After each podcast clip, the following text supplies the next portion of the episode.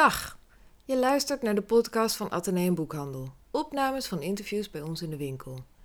Dit keer Daan Stoffelse in gesprek met Mirjam van Hengel over haar Een knipperend ogenblik, portret van Remco Kampert. Stoffelse en Van Hengel spraken bij ons over genre biografie. En natuurlijk over Remco Kampert. Van Hengel vertelt over zijn neiging om zich af te zonderen en zijn humane betrokkenheid. Maar ook hoe hij onderdeel van de vijftigers uit ging maken en over een bijzondere ontmoeting in Oostende. Hier komen ze. Um, Mirjam, ik heb de neiging je steeds te citeren. En dat is, dat is een goed teken. Um, ik vind dat je echt een goed boek hebt geschreven. Dankjewel. Ja, dus laten we de sfeer even gewoon positief beginnen. Het is geen naslagwerk, maar iets wat uh, de spankracht van een roman benadert. Ik vind ook dat je een goed essay hebt geschreven voor Revisor. Daarin schrijf je zeer behartenswaardige dingen over wat een biografie kan zijn en wat er niet in kan. En mag ik je citeren? Uh, citeer maar. Ja, nou, de rest dat mag je dan zelf straks voorlezen. Ik, ik wilde geen encyclopedisch boek, encyclopedisch boek maken, schrijf je. Geen ontilbare pil waarin alle feiten terug te vinden zijn. Geen tentoonstelling van alles wat ik heb gevonden. Ik wilde meer, meer vangen dan alleen feiten.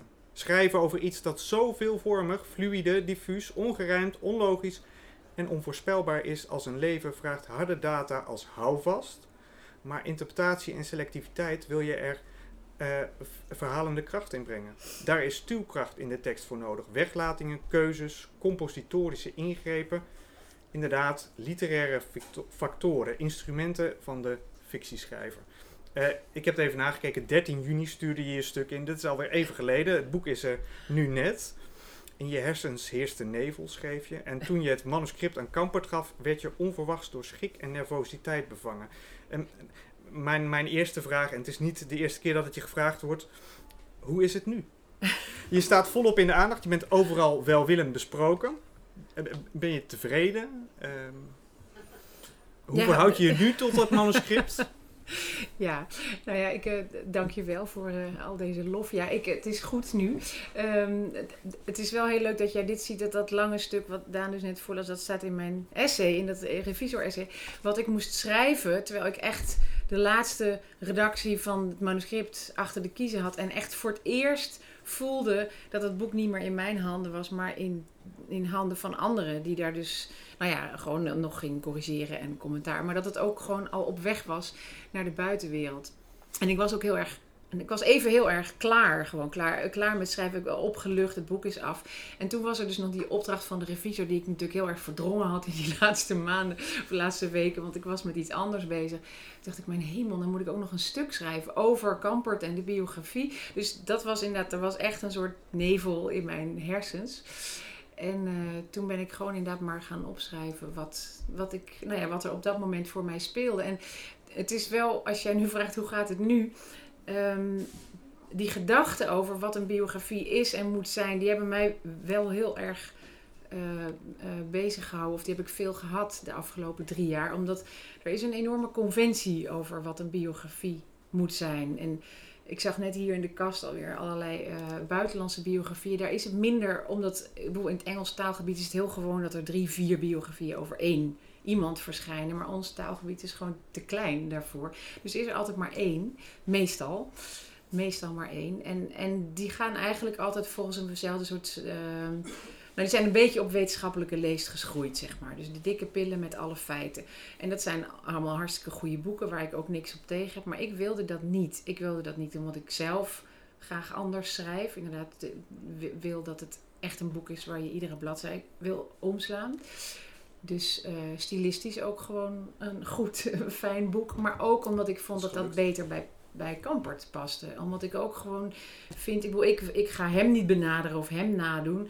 Maar uh, uh, dit is een man bij wie die feiten, voor, voor wie die feiten zelf ook gewoon altijd niet de allerbelangrijkste rol hebben gespeeld. En de sfeer en de toon van zijn werk en het plezier daaraan en de combinatie van het werk en het leven. Dat is voor hem cruciaal. Dus ik wilde zoeken hoe ik dat kon benaderen. En dat is mij wel gelukt, hoop ik. En ik krijg er nu dus inderdaad, jij zegt wel willend, ik heb uh, mooie recensies gehad, maar ik krijg ook wel uh, uh, om mijn oren dat het inderdaad te literair is of te persoonlijk. Maar ik, ja, ik heb dat voorzien en, en ik kan daar, daar kan ik mee omgaan. Oké, okay, nou. En Eh, want want Kampert, zelf had gezegd, ja, biografie dat is fictie. Ehm, jij hebt daar je eigen weg in gevonden, daar, daar schrijf je in het boek over, je schrijft er in het essay over. Eh, eh, negen jaar geleden, daar was jij denk ik niet bij, was, er was hier eh, voor de winkel was een Ja. manifestatie ehm, voor eh, Remco's, eh, meneer Kamperts 80ste verjaardag. Er waren 21 dichters die optraden. Er was een boekje met gedichten voor Kampert. Ehm, we kwamen daarop omdat eh, eh, eh, twee weken geleden Bernke, onze eh, hoofdredacteur voor dit nummer, Bernke Klein-Zandvoort, eh, eh, contact had met Michel, K. Michel. En die zei, ja, er is een gedicht over wat ik heb geschreven over Kampert. Ja. En, nou, en Michel stuurde dat ons op en die zei, ehm, het is bijna allemaal waar. Ja, maar dat is, dat is echt een ontzettend leuk gedicht. Het heet Vragen en Klepels. En we hadden woensdag dus... Ja, toch? Dat is een heel erg leuk gedicht. Zegt nu Deborah Kampert. en we hadden woensdag hadden we de, de, de, grote presentatie in de kleine komedie met allemaal eh, muzikanten en mensen die Kamperts poëzie lazen. En ik las stukjes en zo. Maar ik had ook Michel gevraagd, omdat dat is een soort biografie in, in poëzie. Dus hij heeft, dit zijn, in dat boekje zijn het drie bladzijden.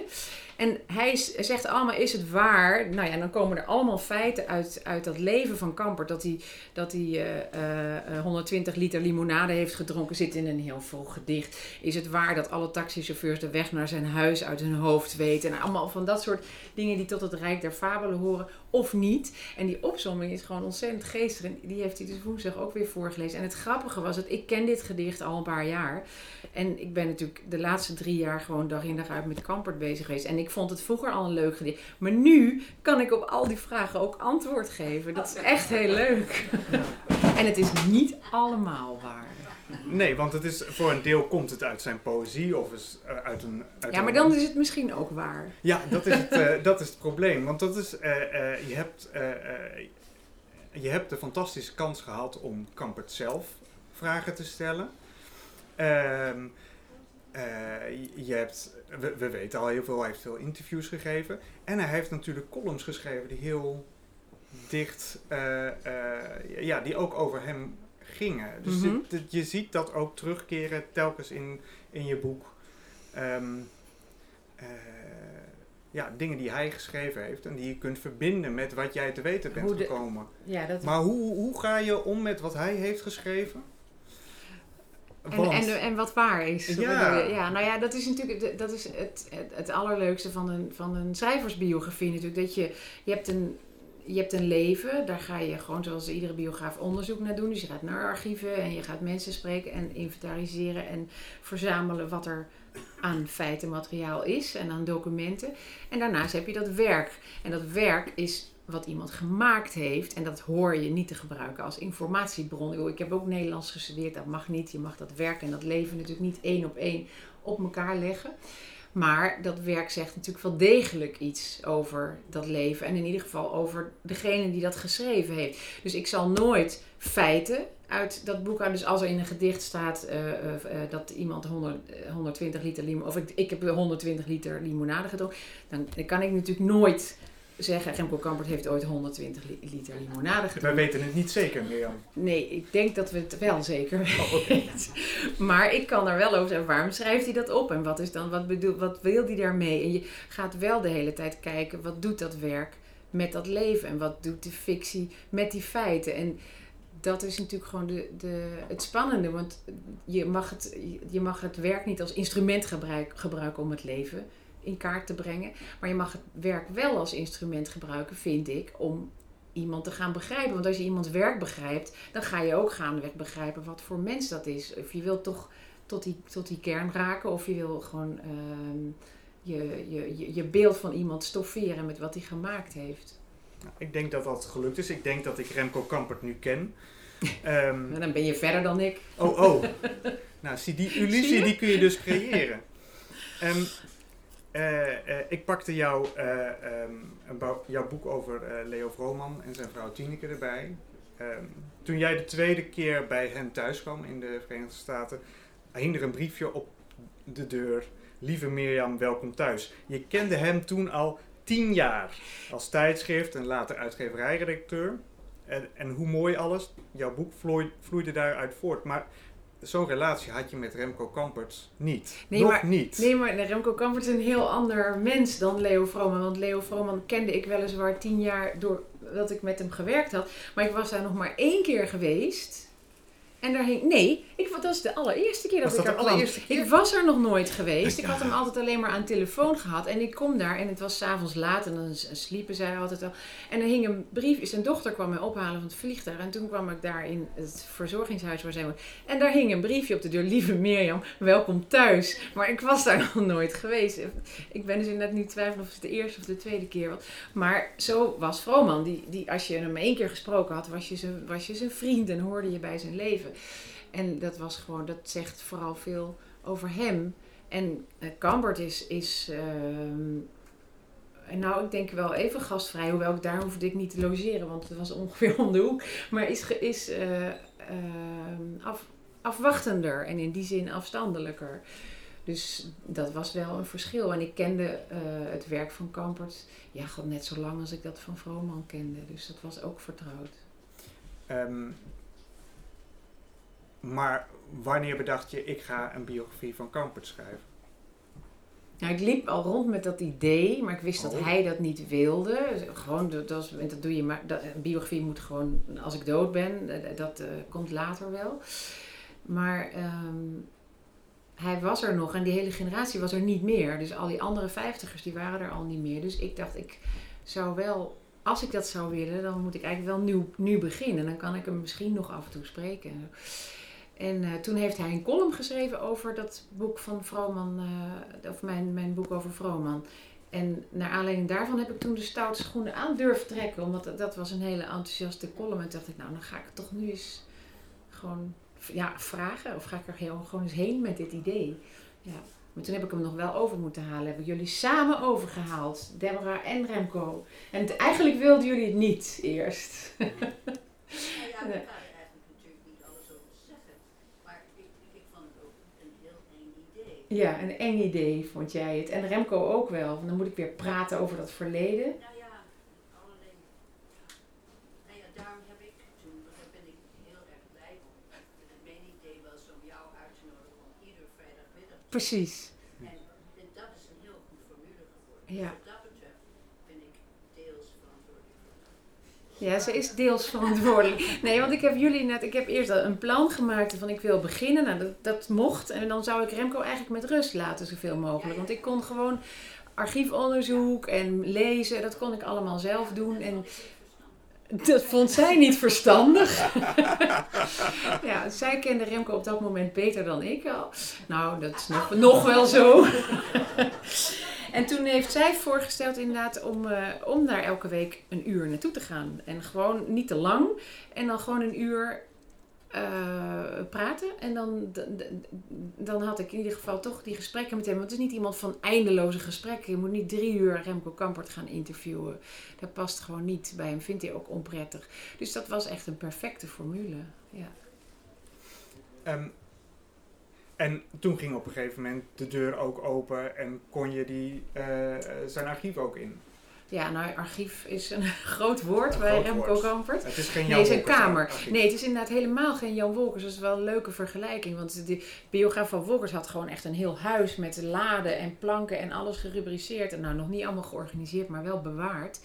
En dat is, eh, dat is bij Kampert echt niet zo. Dat is gewoon wel een werkkamer die helemaal vol staat, maar niet met een georganiseerd archief.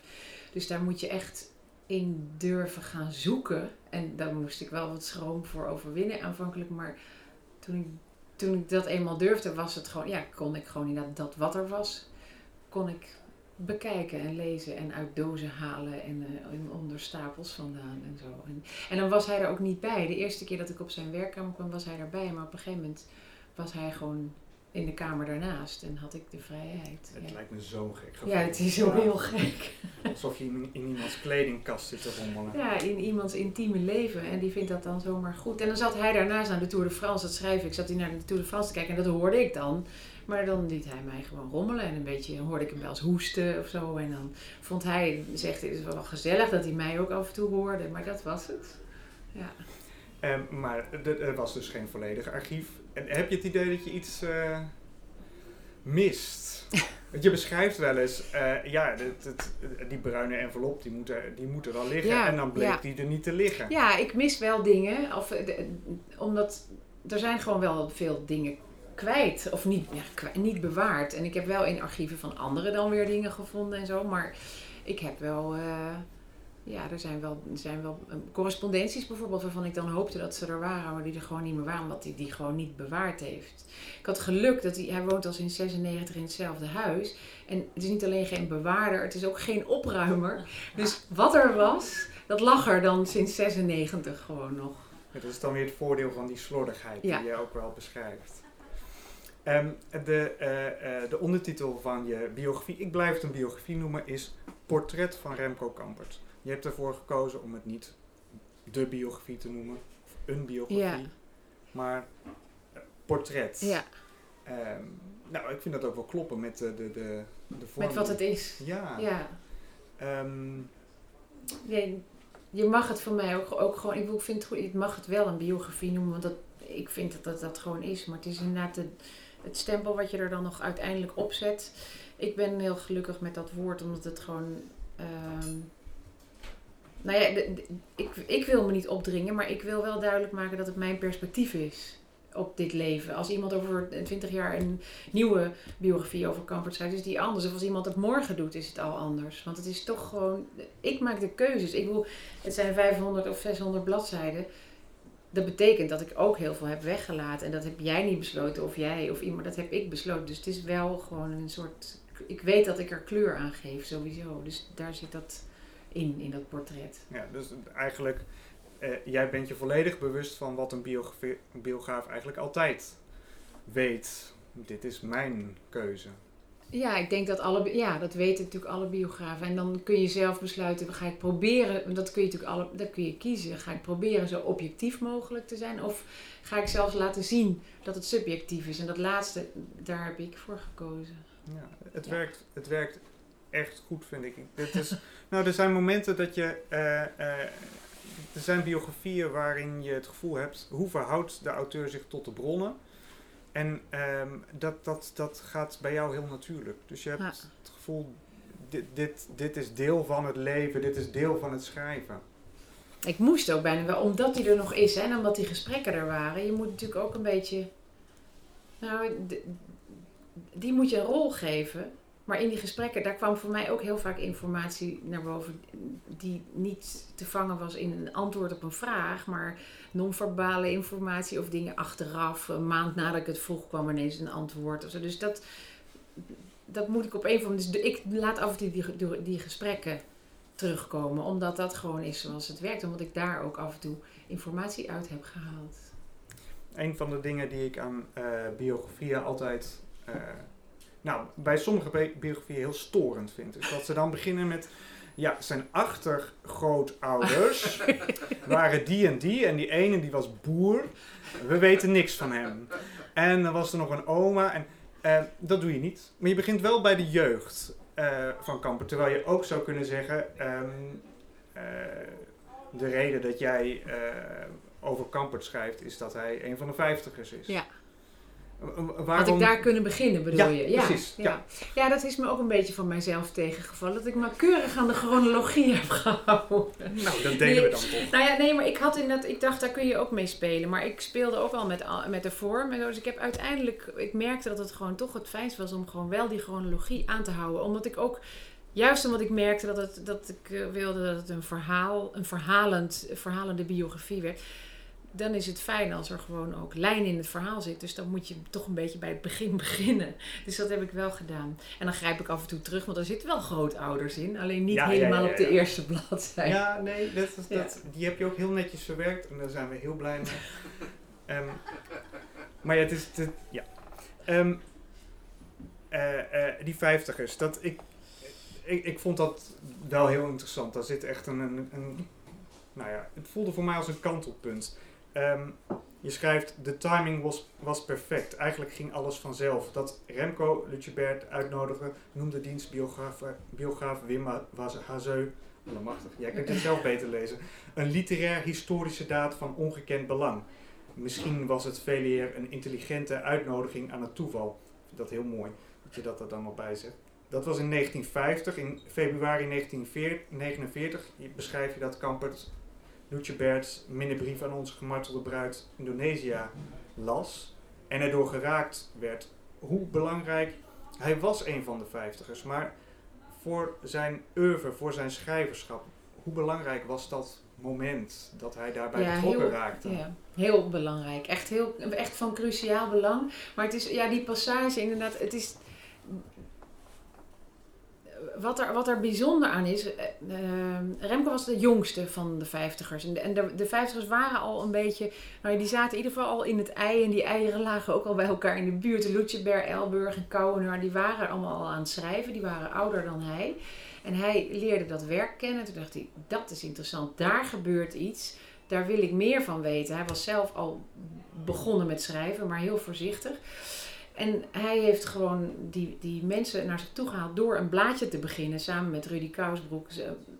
Een klein tijdschriftje, Braak. En het was echt een beetje een schoolkrantachtig. Ik bedoel, ze, ze hadden ook samen in de schoolkrant gezeten. Maar ze waren al weg van school. En ze hebben samen een blaadje zitten maken. En wie nodigden ze daaruit? De schrijvers die inderdaad gewoon de, de, nieuwe, de nieuwe generatie schrijvers bleek te zijn. En daar hoorde hij dus gewoon dat, vanaf dat moment bij. En wat ik geprobeerd heb, dat, dat verhaal van de 50 is natuurlijk voor iedereen die, die wat van literatuur weet en die van poëzie houdt, is dat bekend en die groep is bekend. Maar hoe was dat vanuit zijn perspectief? Dat vond ik interessant. Want vanuit zijn perspectief was het echt zoeken naar verbinding met een groepje waar hij gewoon bij wilde horen. Vrienden, of hij heeft het zelfs later familie genoemd. Voor het eerst hoorde ik echt bij een, eh, nou ja, bij een, bij een club.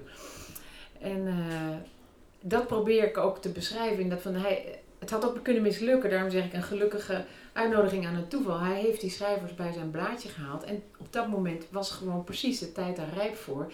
Dus gingen ze daar allemaal publiceren. En eh, was er ineens een beginnetje voor die, eh, voor die vijftigersgroep. Oh ja, nee, en jij vroeg hoe belangrijk was het voor hem. Nou ja, dat was dus voor hem sowieso het begin van alles. En iedereen zegt later, hij hoort niet echt bij die vijftigers inhoudelijk, want zijn poëzie is heel anders. Maar dat zeg ik ook, de poëzie van al die vijftigers werd op een gegeven moment heel anders dan dat van die andere vijftigers. Ze zijn allemaal hun eigen weg gegaan. Het ging alle kanten op Ja. uiteindelijk. Ja. Wat ik heel mooi vond, eh, eh, was dat je eh, vervolgens, dit- je beschrijft hoe dit ontstaat. En dan schrijf je, merkwaardig aan de beweging van 50 is dat er geen vrouwen toe behoorden. Ja. Ja, verdomd. Dat is ook zo. Had je ook nog nooit over nagedacht? Nou ja, die, die Lucebert biografie gelezen en dan denk je, ja, die vrouwen die komen er echt heel beroerd van Ja, af. die staan op foto's en dan staan er gewoon alleen maar de namen van die mannen. Heel af en toe staat er nog echt genoten van of zo. En, en vrouwelijke dichters zaten er gewoon niet in die groep. En dat was inderdaad zo, maar ze waren er wel op dat moment. Dus dat kun je natuurlijk nu niet meer eh, vaststellen. Werden ze niet geduld? Vonden, ze, vonden de mannen ze niet goed genoeg? Wilden ze zelf niet? Hebben ze zich niet sterk genoeg gemaakt? Dat is moeilijk vast te zeggen. Maar ik vond het wel belangrijk om ze te noemen. Want je had echt, je had Ellen Warmond, die heeft tegelijk met, eh, met Remco een belangrijke prijs gekregen. Je had natuurlijk Vazalis, dat was echt van een andere orde, andere, andere eh, poëtica, zeg maar, Ja, andere die, had, zich- richting. die had zich ook nog tegen de vijftigers eh tegenover hen opgesteld. Dus dat Ja. was ook niet echt een... Ja, maar je had er nog een paar die, die gewoon op zich had gekund dat die zich hadden aangesloten. En dat is dus niet zo geweest. Zo was de tijd nog niet. Hmm. Ehm, eh, eh, eh, deze vraag had ik op- opgeschreven voordat ik wist dat Deborah Kampert erbij bij zou zijn. Ehm en Kamperts vrouwen zijn geweldig, eh, vind ik. Dat zijn echte mensen met... Ja, toch, hè? Het, eh, als u allemaal wacht, het- ik, ik, eh, ik ga iedereen een compliment geven hoor. Dat, eh, de avond wordt erg lang. Ehm, eh, echte mensen met boekwaardige levensverhalen. En zijn relatie met eh, Deborah, zijn vierde echtgenote, vond ik het mooist. Dat, was ook, dat, dat is echt een uitgebreid verhaal geworden. Misschien ook omdat je eh, met u kon praten, met Deborah Kampert kon praten. Ehm, de ontmoeting in Oostende. Dat wilde ik Oh. meteen voorlezen thuis. Ehm, zou je dat hier willen doen? Want, ik, Oh. eh, want daar blijkt ook wel uit hoe jouw verhouding tot eh Kampert was, hoe die gesprekken gingen. Ja. Ehm, En wil je dan dat, dat gedicht over Oostende of nee, een ander stukje dus? een stukje. Wacht, waar, wacht, mijn bril. Oh. Nee, de, de ane- anekdote dat... eh, eh, Oh ja. Nou, dat, ja, dat, is, dat is leuk. Ze waren dus bij elkaar, maar Remco eh, nog niet zo lang bij elkaar. In 1966 of 67 was dit. En Remco woonde nog in Antwerpen met zijn, met de, de, ja, met zijn vrouw, de moeder van zijn twee kinderen. Maar dat was eigenlijk afgelopen. En hij was naar Oostende om te schrijven. Een week in een hotel, omdat hij vond dat hij gewoon weer eens aan het werk moest. En ehm, toen heeft hij met, was hij in Oostende, heeft hij meteen een kaartje geschreven aan Deborah. Lieve mevrouw, ik mis je erg, daar moeten we toch eens iets aan doen. Maar niet nu, want ik ben hier om te werken, of niet soms. En we hebben nog jaren voor de boeg, als het aan mij ligt. Maar toen eh, heeft, heeft Deborah na, na dat kaartje het hotel opgebeld dat hij, waarvan hij zei dat hij daar zat. En toen kreeg ze te horen dat hij daar helemaal niet ingeschreven was. Ze wilden hem echter zo graag zien dat ze toch afreisden naar Oostende. En dan zegt zij: Ik kwam de trein uit en was heel zenuwachtig, want Remco wist niet dat ik zou komen omdat ik hem niet had kunnen bereiken. Hij zou me dus niet afhalen en ik wist niet of ik hem zou kunnen vinden. Toen liep ik vanaf het perron de stationshal in. Ik krijg nog kippenvel als ik eraan denk. En daar stond hij, de krant te lezen bij de kiosk. Ik vergeet dat nooit meer. Remco kijkt aan de overkant van de tafel, dus dit is onze vrijdagmiddagzetting. Aan de overkant van de tafel triomfantelijk, alsof hij het destijds bewust in scène heeft gezet. En toen zagen we dat schip, toch? Nee, dat was later die dag, toen we in een café zaten aan de boulevard. We keken naar buiten, naar de zee, en daar voer een gigantisch schip voorbij, zo'n enorme logger. En daar stond met metershoge letters een naam op. Lucia, dat is de naam van zijn vrouw daarvoor. En dat voer weg de haven uit, zegt Remco. Dat kan niet, zeg ik. Hoe kan ik dat nou opschrijven? Dat is echt ongeloofwaardig. Ja, glimlacht hij. ja, ik, het is heel mooi hoe je dat eh, eh, in beelden weergeeft. En ook hoe je nu hier zegt... Ik kan het niet opschrijven en het toch doet. Nee, kijk, maar dat is dus wat ik. Want ik zit er dus niet de hele tijd zo in. Dit is een kleine passage. Dat is wat ik dan vind. Ik bedoel, als zij dat zeggen... Ik kan, niet, ik kan opschrijven, ja, en toen zaten ze in de haven en daar voer een schip voorbij en daar stond de naam op van zijn ex-vrouw. Dan denken jullie allemaal, dat kan natuurlijk niet. Nou, ja. Noodgesprek met Misschien denken jullie het niet, maar ik, ik reageer zo. En ik vind dan zijn reactie heel mooi en ook veelzeggend. Dat hij ook denkt, misschien was het wel niet waar, maar ik vind toch dat het waar is. Dus je geeft ook meteen weer iets van hem weer. Maar het was waar. Eventjes voor de opname. Het was waar. Deborah zegt, het was waar. Ja. Ehm, je zegt ergens in het begin van je boek dat eh, eh, een van de, stelligs, de, zijn, de meest stellige politieke uitspraak van Kampert is dat je altijd gebruik moet maken van je stemrecht. ja. En toen dacht ik, ja, dat, dat, dat, dat, dat kan het niet wezen. En dat is het ook niet. Je, je laat echt zien dat hij zich heel betrokken voelt bij allerlei zaken in de buitenwereld. Dat, Ehm, ja, is, dit is wel een hele stellige uitspraak Nou, over die stellige uitspraak. Nou ja, nee, maar wat ik, het is een verschil tussen echt eh, eh, politieke betrokkenheid en maatschappelijke of eh, eh, maatschappelijke betrokkenheid. Hij is een heel maatschappelijk betrokken iemand en dat gaat vooral, heeft vooral te maken met solidariteitsgevoel, met mededogen voor de mens. Heel erg betrokken bij wat er in de wereld gebeurt. En daar, dat zit vooral in zijn poëzie, zit dat heel sterk. En ik vind ook dat dat een onderbelichte kant is van hem. Hij is veel betrokkener bij de wereld dan altijd gezegd wordt. Ik bedoel, hij heet echt de dichter van de lichtheid en van de liefde en van de humor. Maar hij heeft een grote, eh, groot gevoel voor, voor onrecht en een sterk moreel besef. En dat zit heel erg in die gedichten. Eh, wat er niet in zit, is inderdaad directe politieke betrokkenheid. Dat is inderdaad, je moet wel gaan stemmen. Maar dat andere, dat is juist heel sterk. Dus ik, ik, ik probeer dat onderscheid wel te maken. Dat, dat, want ook in de tijd van de vijftigers, sommige vijftigers waren uitgesproken communist. En daar had hij eigenlijk geen sjoegen van. Daar wist hij weinig van, was hij ook niet echt... eh, eh, hij was er niet in thuis. Hij, hij, voelde, hij was zeker geen communist als Kouwenaar of Elburg. Dus die politieke betrokkenheid was minder. Maar de, gewoon de, de menselijke, humane betrokkenheid is altijd heel groot geweest. Ehm, net, je begint eh, je boek met een, eh, eh, met een vraag of een opmerking van Deborah. Maar wat is zijn geheim? Ik weet het niet. Die man is een raadsel. Ehm, ben jij dichterbij gekomen? Ja, ik speel dat spel nu natuurlijk ook een beetje mee. Want jij zegt net, ik, ik ken nu Kamper, dat ik een beetje meer dan ik. En dat is natuurlijk, nou ja, dat is natuurlijk niet waar. Maar ehm, ik, ben, ja, ik ben zeker dichterbij gekomen.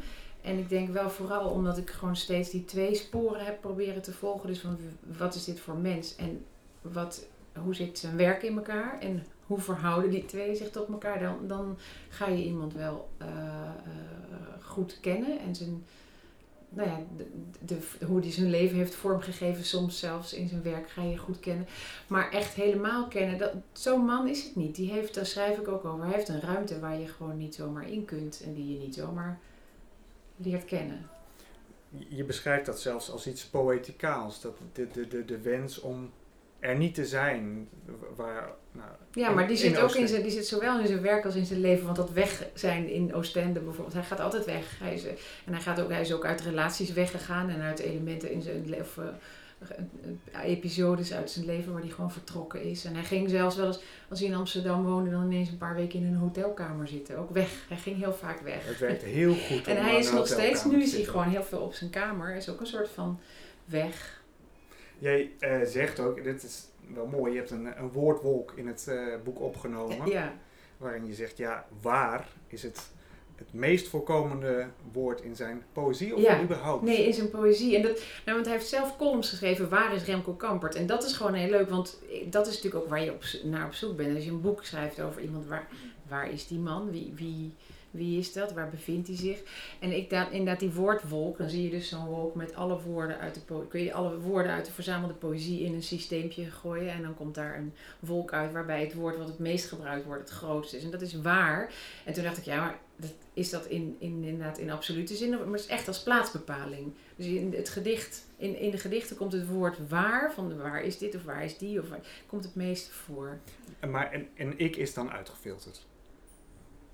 Dat was wat ik meteen, meteen afvroeg. Van de en het haal je er dan uit. Ja, ja, ja, nee, ik, dat weet ik niet. De, de, allerlei lidwoorden, die, of lidwoorden en andere kleine zijn er uitgefilterd, maar ik weet ik eigenlijk niet. Dat moet er ook uitgefilterd zijn. Wat een goede vraag. Dankjewel.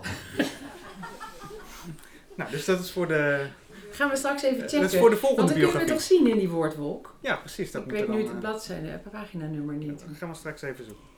Ehm, eh, ik had er twee eh, afsluitende vragen. Je hebt me net nog een derde vraag aangegeven. Zullen we die, zullen we die eerst doen? Ehm, Mirjam, heb je nog eh, bijzondere uitgaves gevonden eh, Oh bij ja. het onderzoek? Ik dacht, als het nou heel saai wordt, dit gesprek, dan heb ik iets heel leuks. Want ik, heb dat, ik, ik, ik trof het gisteren gewoon weer aan omdat ik iets in de kast zette en toen schoof dit naar achter. Wat natuurlijk leuk is, je gaat altijd werk verzamelen en heel veel is natuurlijk niet meer verkrijgbaar. Dus ik heb heel veel door boekwinkeltjes.nl en, en, eh, en allerlei antiquariaten. Er is, hij heeft, omdat hij altijd geld tekort had in de jaren 60 en 70 en 80, heeft hij allerlei opdrachten gedaan. Dus het woord verrukkelijk is ook nog wel eens gebruikt voor bier, reclame en zo. Dus allerlei dingen verkocht hij en teksten verkocht hij. Maar hij vertaalde ook dingen. En hij heeft een heel raar boekje vertaald. Veel geluk met de sterren. Ja, ik ga nou reclame voor mij, maar het kunt nergens meer krijgen. En dat zijn alle tekens van de dierenriem. En hij, dat is een Duitse auteur van wie hij ook nu helemaal niet meer weet wie dat is. En eh, dan heeft hij dat vertaald, maar hij heeft ook commentaren bijgeschreven. Noot van de vertaler. En, daarmee, en in die noten kraakt hij het boekje volkomen af. En maakt hij dat hele auteur belachelijk. Zal ik er één voorlezen, Ja, gewoon voor de lol? Graag, Mirjam. Even kijken hoor. Was het nou deze? Oh ja, nee, ik dacht de leeuw, want hij is zelf een leeuw. Oh ja. Ehm, heeft weet ik, ja, volgende niet meer. Goed. dus de leeuw. En dan heb je dus het hele stukje over de leeuw en dan een streep en dan tussen haakjes deze passage. Zelf een leeuw zijnde kan vertaler met de hand op het hart verklaren dat schrijver maar wat schrijft. Bij de vertaler rijst al meer en meer ernstige twijfel aan de deskundigheid van de schrijver. Het is, dus in het boekje zelf staat dat. Het is ondoenlijk om overal op in te gaan. Alleen dit.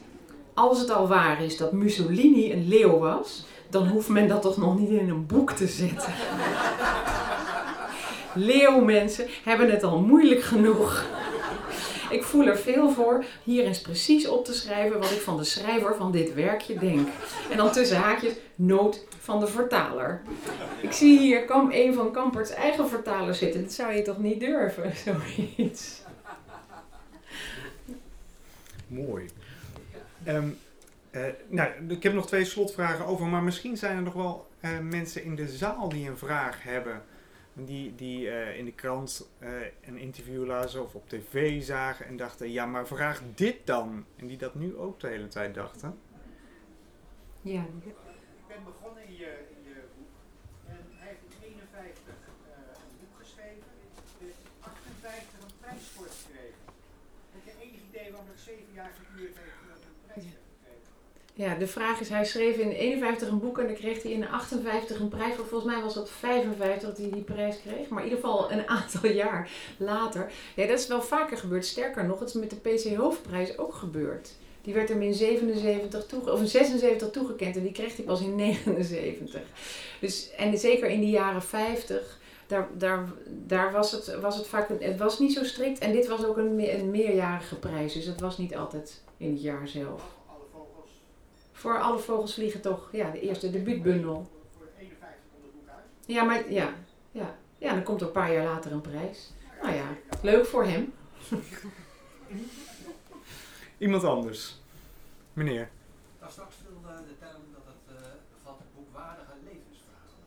In hoeverre is deze biografie ook een literaire biografie? In hoeverre is dat een analyse van de poëzie en van zijn boek? Ja, er zit veel in over zijn literaire werk. Dus het, ik, dat leven en dat werk is onmogelijk los van elkaar te zien. Dus eh, het werk zit er steeds doorheen. En dan eigenlijk in twee opzichten. In de chronologie, dus wanneer dingen verschijnen, dan besteed ik er vaak aandacht aan. Maar ik zie ook heel veel eh, correspondenties tussen leven en werk. En dan besteed ik er op die manier aandacht aan. Dus ik analyseer eh, niet eh, eh, eh, uitputtend al die werken, want dat vind ik niet eh, bij zo'n boek horen, maar af en toe een beetje. Dat klopt. Als lezer kan ik dat beamen. Ja, nee, dat is, dat is precies in balans. Zijn er nog andere vragen? Nee, anders, anders is Mirjam hier gewoon nog. Het, ehm, eh, deze week was je eh, ook bij Jeroen Pauw. Ja. Die was overal. en toen vroeg eh, Jeroen Pauw aan Jan Mulder... ehm, eh, eh, wat is voor deze jonge mensen hier achter me... Oh ja. Het waren andere jonge mensen dan deze, want de- jullie hebben ze oeuvre al En helemaal... waren ook nog jonger, waren ze was zo'n middelbare scholieren of zo. Ja, ja, en dat Ja. is, hoe die die dan bij elkaar had gezocht. Ehm, eh, hoe moeten deze jonge mensen Remco Kampert leren kennen? En toen kwam Jan Mulder met de kneupmaas. Ehm, eh, welke, wat zou het voor jou zijn? Je hebt natuurlijk zelf Kampert compact samengesteld. Eh, maar we hebben hier eh, de poëzie, een dichter. En we hebben Kampert compleet met alle verhalen.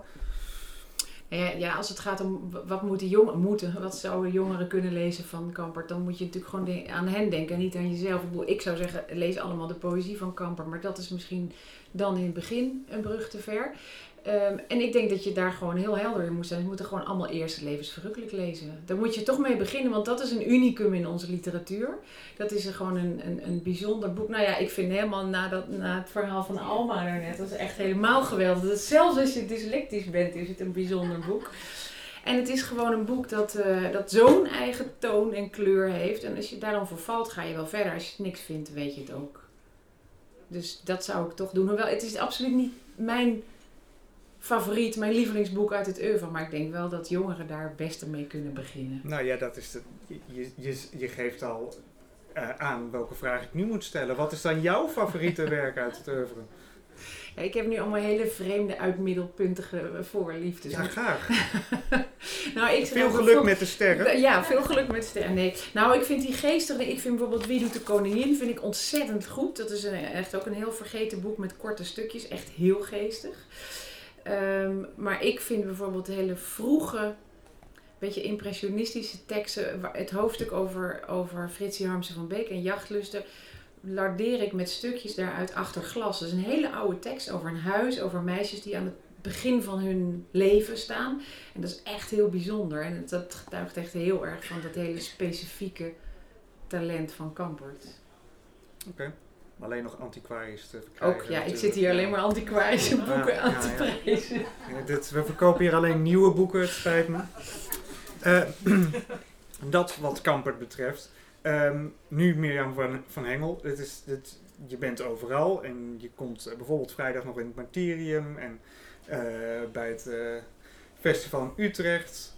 En wa- wat als het, het stof is neergedaald? Wat ga jij dan doen? Vakantie?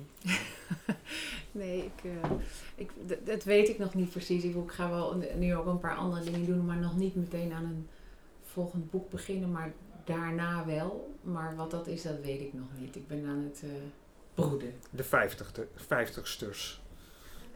De 50 nee, er is al een boek, Schrijfsters in de jaren 50. Dat heeft iemand al ooit geschreven. Nee, ik weet het nog niet. We wachten af. Ja. Dankjewel voor je komst en voor dit gesprek. Dankjewel.